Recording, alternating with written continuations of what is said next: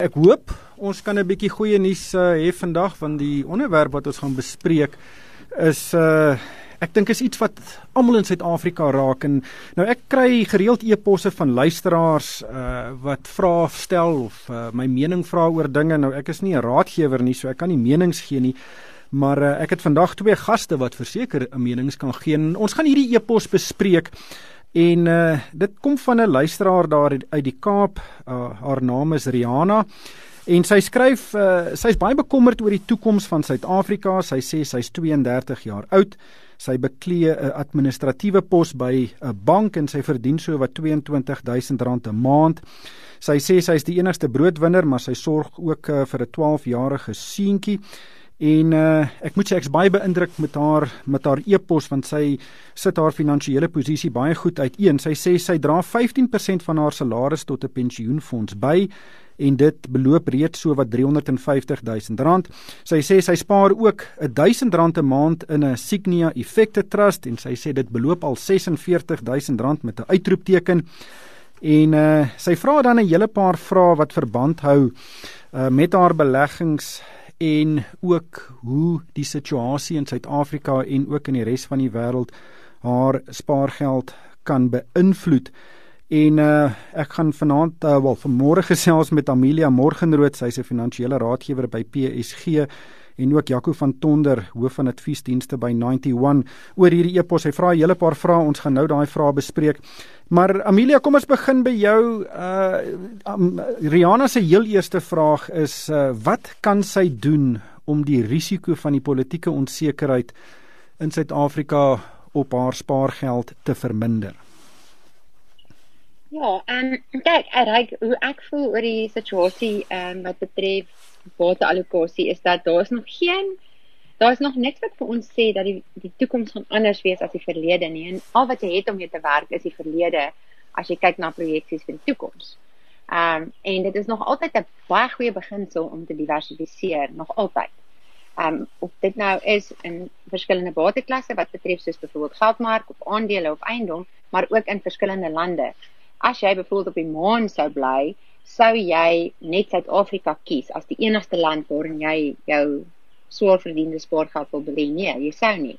So jy sal in elk geval in beginsel diversifikasie toepas, irrelevant wat die politieke situasie is, want onthou niemand weet wat die toekoms inhou nie. Jy kan nie sê ehm um, wat môre gaan gebeur nie. So jy moet in elk geval diversifiseer deur jou geld te belê in verskillende lande. Maar ek sou sê jy kan nie net niks geld in Suid-Afrika belê nie, want dit is tog waar jy woon en dit is waar jou jou uitgawes plaasvind en gegenereer word. Ek glo hier in Suid-Afrika is waar jou lewenskoste is. So jy kan nie niks hierso belê nie. Ja. Jaco van Tonder, hoof van adviesdienste by die Waterbestuursgroep 91. Hoe, hoe sien jy risiko in die, in die konteks van wat in die in die land aangaan? Môre ryk en uh, môre aan die luisteraars ook. Ryk ek dink 'n mens ek, ek wil tog by Amelia aansluit en sê uh die die die die grootste fout wat 'n mens kan maak wanneer mense moontlike politieke of ekonomiese storm in die gesig staar is om is om is om te val vir die vir die praatjie dat dat hierdie spesifieke storm of of gebeurtenis wat nou kom ehm um, totaal en al uniek en anders is as vorige storms. Uh en ek dink dis waar die waar die waar ek met die media wil saamstem dit help om te gaan kyk na die strategieë wat werk in tye van van politieke en ekonomiese omstandighede. En daai basiese strategie is maar om te sorg dat jou geld versprei word. So 'n mens moet risiko op daai manier probeer hanteer om om risiko te vermy deur jou geld te probeer wegsteek in 'n spesifieke bateklas waar jy dink die risiko die minste is is gewoonlik die verkeerde besluit want want risiko gaan oor verskillende risiko's mense kan miskien die politieke risiko probeer uh vryspring maar die langtermyn risiko's is dat jy nie jou spaarplanne of doelwitte behaal nie en, en dan val jy weer op daardie en, en die risiko is is daai risiko wat jy dan op die einde van die dag byt. So ek dink 'n mens moet regtig oopkop dink oor die konsep van risiko en veral in tye wanneer wanneer die emosies oor ekonomie en politiek jou uh jou jou al voldwing om 'n besluit te neem oor jou spaargeld, moet 'n mens veral versigtig wees en en verkieslik daardie besluite uh miskien met 'n persoon of twee bespreek want dit ja. is gewoonlik waar die waar die foute inkom. Maar kom ons verwys na Rihanna se voorbeeld. Sy's 32, sy dra by tot 'n pensioenfonds. Uh, het sy enige beheer oor die bateallokasie of die, die bateklasse waarin belê word in haar pensioenfonds? So so ryk in 'n pensioenfonds het jy 'n uh, heelwat wetgewing wat op 'n positiewe manier eintlik uh die bestuurder van jou pensioenfonds forceer om die geld te versprei. Ehm um, nou daar word baie daaroor geskryf en en en ehm um, veral nou in tye van van uh van ekonomiese uh, wet probleme en terugslae is daar altyd vrae of daardie wetgewing nie 'n groter probleem is as wat dit as ehm um, en ons praat van die sogenaamde regulasie 28 wat uh eintlik in ten harte het om te verseker dat geld nie uh nie op 'n op 'n verkeerde basis belê word vir pensionaars nie, maar dat die geld juis versprei en gediversifiseer word. So ek sou amper wil sê dis die beginpunt is nommer 1. Dit is ehm um, dis redelik positief en meeste mense se geld op daai basis is redelik goed gediversifiseer. Die regte knelpunt op pensioenfonde is die vraagstuk of ons nie in Suid-Afrika nou gegee die ekonomiese vooruitsigte groter blootstellings aan buitelandse beleggings moet hê spesifiek omdat ehm um, die Suid-Afrikaanse ekonomie op 'n punt is waar waar ons regtig 'n paar moeilike pilare het wat ons gaan moet regmaak. Uh en en die die uh die groot vraagstuk bly op buitelandse beleggings nie op die kort tot medium termyn um, 'n groter blootstelling daaraan die die regte strategie is vorentoe nie. So baie wat ons in die koerant lees en wat ons uh, hoor op die op die media oor vraagstukke van wat moet ek doen met my pensioengeld gaan baie keer daaroor of of 20 of 30% wat die huidige blootstellings is in baie pensioenfondse aan die buiteland of dit genoegsaam is en of dit nie nader aan 40 of 50% moet wees nie. Hmm. Amelia uh, Mariana vra ook uh en en dit sluit nou by sluit aan by wat Jaco nou gesê het. Sy sê sy, sy wil nou soveel as moontlik geld in die buiteland belê. Ehm um, maar sy sê sy het nie so baie geld nie. Sy spaar maar 1000 rand 'n maand uit haar uh weet nabelaste geld of die geld wat in haar bankrekening inbetaal word. En sy sê sy het 46000 rand nou reeds by 'n Signia Effekte Trust. Uh, wat is die opsies vir haar om nou in die buiteland te belê? Ja, daar's al meer en meer ehm uh, instrumente en produkte beskikbaar in Suid-Afrika ryk. Right?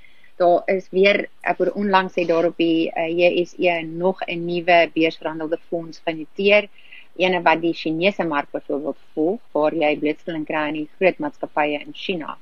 So daar is baie instrumente, jy kan byvoorbeeld al jou spaargeld in ehm um, 100% daarvan, jy's glad nie onderhewig aan enige reëls binne 'n pensioenfonds nie.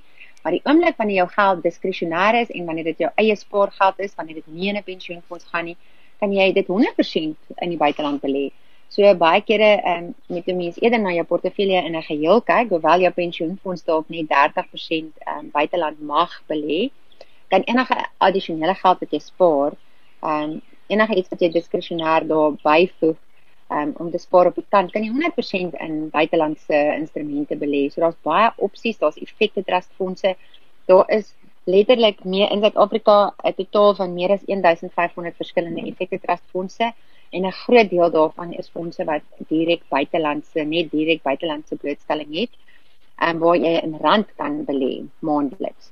So jy sit jou geld in rand daarin, jy kry die opbrengs nou wel is waar eh, is, is dan in die buitelandse geldeenhede, maar dit betaal weer in rand uit. So die belegging gaan nie werklik jou geld gaan nie werklik in jou naam direk uit die land uit nie, maar binne in die fonds wil jy hulle wel die geld in die buiteland.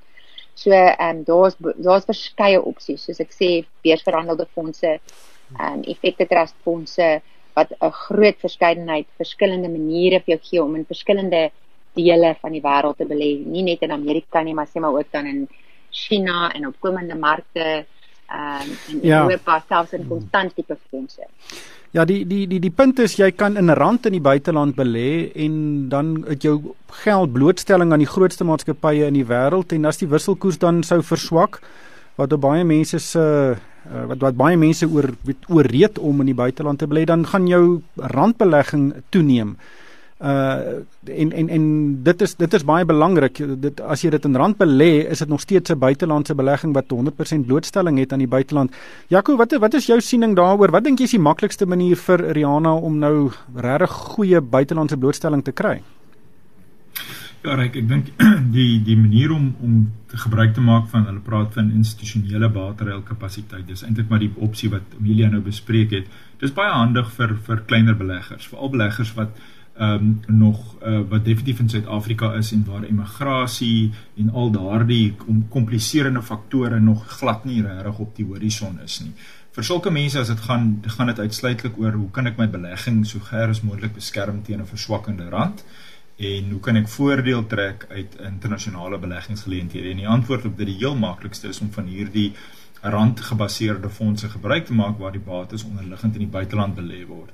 Wanneer 'n mens bietjie ouer word en mense meer bates bymekaar gemaak of mens kom op 'n stadium wat vir watter rede ook al daar uh, miskien gedagtes is om te emigreer, dan verander die prentjie heeltemal. En ehm um, dit werk gewoonlik dan heelwat beter om in uh, sulke gevalle gebruik te maak van die van die sogenaamde buitelandse toelating wat individue het waar jy elke jaar tot en met 'n miljoen rand in jou eie naam uit die land uit kan vat uh, sonder om enige belastingklarings te kry en dan nog 10 miljoen rand bo op dit met belastingklarings.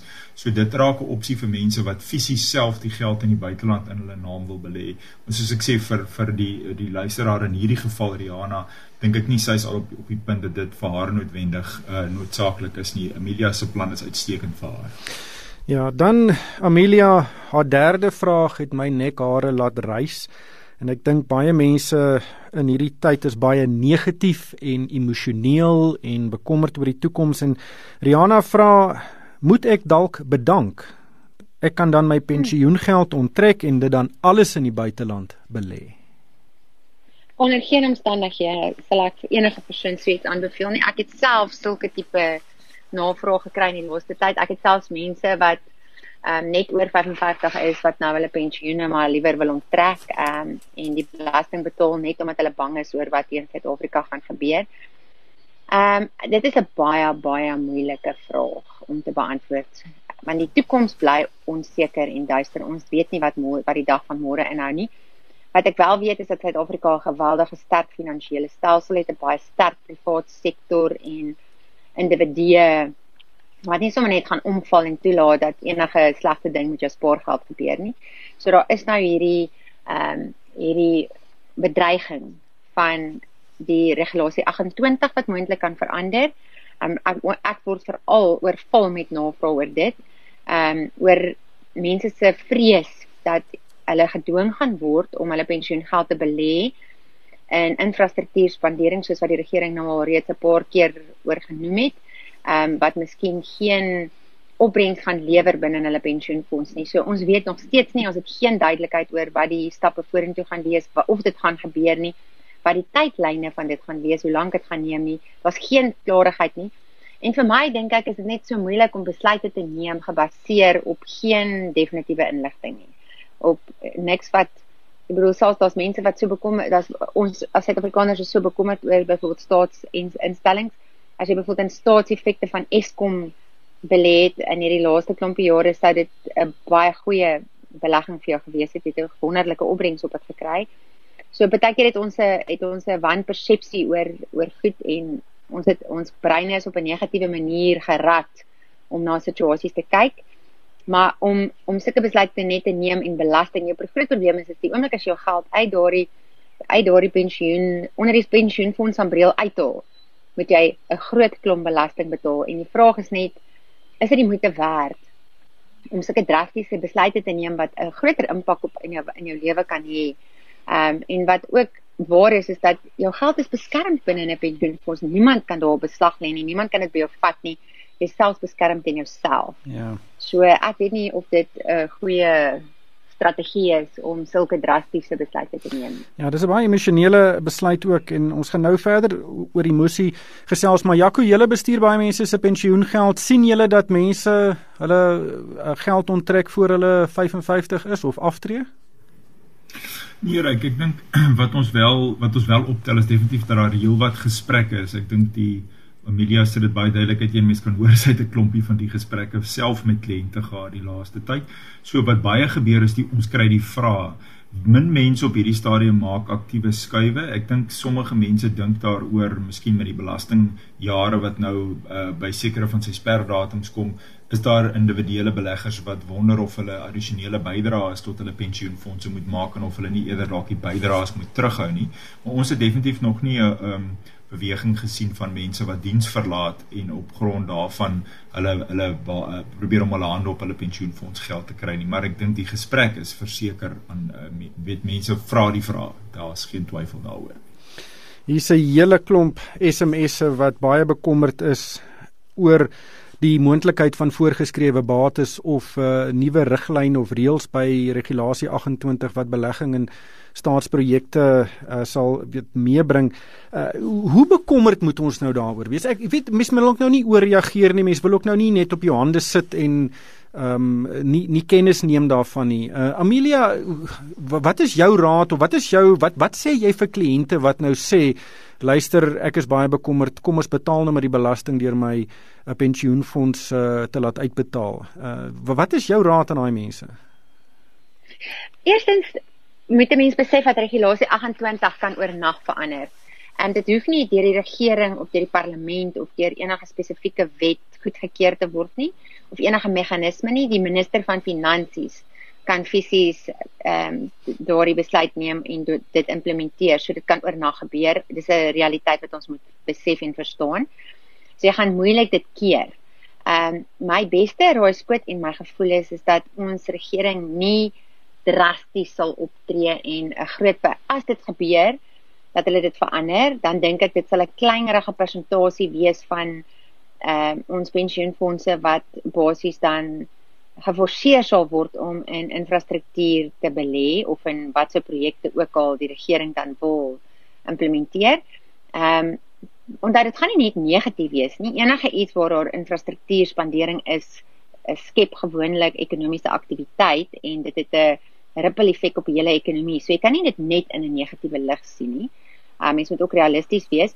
En ek kan nie ek kan nie vir een oomblik dink dat ons regering drasties sal wees en 'n groot persentasie sal toewys aan Swets nie. Ehm um, ons het al geleer dat hulle eintlik dat ons regering nie werklik ooit soos 'n kat op 'n warm plaas rondspring nie. Kyk maar na ons begrotings elke jaar. Kyk maar na ehm um, die manier hoe hulle goed implementeer. Niks is ooit dramaties en drasties en verskriklike groot persentasies nie. Hulle is meer geneig, hulle het ons het ek het ons het dit nou al mos gesien in die laaste 20 jaar dat hulle meer is ja. stapsgewys gaan en meer weet goed stadiger implementeer. Ehm um, en en daarso is die is 'n bewys 'n groot bewys daarvan is is ons begroting. Jaco, wat sal jou reaksie wees? Kyk ek ek dink 'n mens moet mens met die proses op die feite hanteer wat is wat is hy ehm um, heiliglik in gesprek en weet wat kan op die radar verskyn en wat is verseker nie heiliglik op die radar nie. So mense kan met spekulasie is alles op die radar, maar wat is die realiteit? Die realiteit is dat die privaat sektor, met ander woorde die bestuurders van pensioenfonde wat ons eie maatskappy 91 insluit, is te breedweg ten gunste daarvan dat pensioenfondsgeld in infrastruktuurprojekte belê word, want dit is wat internasionaal gebeur. So dit is nie asof dit 'n unieke Suid-Afrikaanse verskynsel is nie. Langtermyn infrastruktuurprojekte is goeie beleggings vir pensioenfonde mits daardie projekte natuurlik korrek bestuur word en mits daardie projekte volgens privaat sektor winsbeginsels hanteer word. En dit is altyd die groot vraagteken. So wat heidaglik op die tafel is is 'n vrywillige uh proses van pensioenfonde se kant af om in projekte te belê waar daar infrastruktuurbeleggings en dan opbrengste vir lede beskikbaar is. Dit is waaroor die gesprek heidaglik gaan. Daar is nie heidaglik 'n gesprek selfs oor 'n geforseerde blootstelling nie, maar natuurlik as 'n vrywillige blootstelling nie lei tot tot enige beleggings nie, uh dan kan dit later 'n verpligting word. Um wat definitief nie op die op hierdie stadium eers naby is uh in in terme van 'n besprekingspunt nie is is is voorgeskrewe bates in sy in sy eng definisie wat eintlik is dat fondse geforseer word om in staatseffekte te belê en die staatseffekte kan dan deur die staat gebruik word om enige projekte befonds. Ja. Dis wat ons in die 80s in Suid-Afrika gehad het en daar's oor genoeg akademiese teorie daaroor gepubliseer dat die netto effek van daardie tipe voorgeskrewe bates is netto negatief. So ek dink die die huidige ministerie van finansies uh, en in ons interaksies met hulle is redelik duidelik dat hulle nie dink dis die antwoord nie. Hulle is ook ten gunste daarvan dat ons pensioenfonds geld gebruik vir langtermyn reële beleggingsprojekte ja. tot voordeel van die land is, maar wat ook tot voordeel is van die pensioenfonds. Ja, ons het reeds vir Enoch Godongwana, hy is hoof van die ANC se ehm um, ekonomiese beleid uh stelsel of of komitee gevra om vanaand aan RSC geldsaake deel te neem. Dis net na 6 uur. Hooplik kan ons met hom gesels. Hulle het uh of hy het 'n uh, onlangse verklaring uitgereik oor presies hoe dit gaan werk en ons gaan by hom hoor. Maar Amelia, uh, ons het so 'n paar minute oor. Ek wil gesels oor emosie. Baie mense is baie negatief. Mense kan dit sien uit die uh SMS'e wat deurkom. Uh ons kan dit ook sien in die latere deel van Rihanna se brief. Mense is baie baie negatief en dit is 'n baie baie 'n uh, gevaarlike ding as jy nou beleggingsbesluite op emosie neem. Uh, hoe hoe hoe sien jy hoe watter rol moet emosie speel want mense wil ook nou nie net sê well, ek is nou mens moet nou glad nie iets doen nie want jy's negatief. Hoe, hoe hoe moet hulle mense dit benader? Want ek wil graag luisteraars herinner aan die periode van 2001 tot ongeveer 2006 toe ons rand dramaties versterk het. Ehm um, ek wil ook hulle herinner aan 'n periode sê maar van 1998 tot 2008 wat die Amerikaanse mark geen opbrengs bykans gelewer het as jy daai volle periode in die mark was nie. Maar in die daaropvolgende 10 jaar het hy verdriedubbel. Nou net so moet jy nooit vergeet, moet jy nooit jouself so deur emosie laat meesleur dat jy jou logiese denke verloor nie. Want onthou, jou brein is hy is gemaak of hy is ehm um, geskape om negatief te wees. Daar is 'n negatiewe element waar jy altyd risiko's bekyk en altyd die negatiewe kant daarvan meer evalueer en sien. So dit is normaal om emosioneel en negatief te wees. Moenie moenie jouself daaroor kruisig nie. Maar wees altyd ehm um, nugter en hou by jou beleggingsstrategie. Um, om heeltyd rond te spring en te sê maar die toekoms gaan nou heeltemal anders wees as die verlede. Ek wil kom ons vat nou net iets simpels soos die lae rentekoerse wat daar tans is in die hele wêreld. Dit is mos nie moontlik dat dit vir ewig so gaan wees nie. Dit kan nie wees nie. Want dit is mos nie moontlik dat jy mense wat geld het nie kan vergoed as hulle geld leen aan mense wat nie geld wat wat wat wat nie het nie. So da, da dit moet een of ander tyd gaan daar 'n bietjie van moet daar weer 'n regstelling kom. Net so kan 'n ekonomie glad nie bestaan as daar nie maatskappye is wat geld maak as daar nie 'n beweging van geld is tussen banke en besighede en eiendom en maatskappye nie. So daar kan periodes wees waar jy in 'n situasie is waar ekonomie vreemd is en uniek optree. Um, ja. maar gewoonlik gaan dit weer terug na ewewig toe.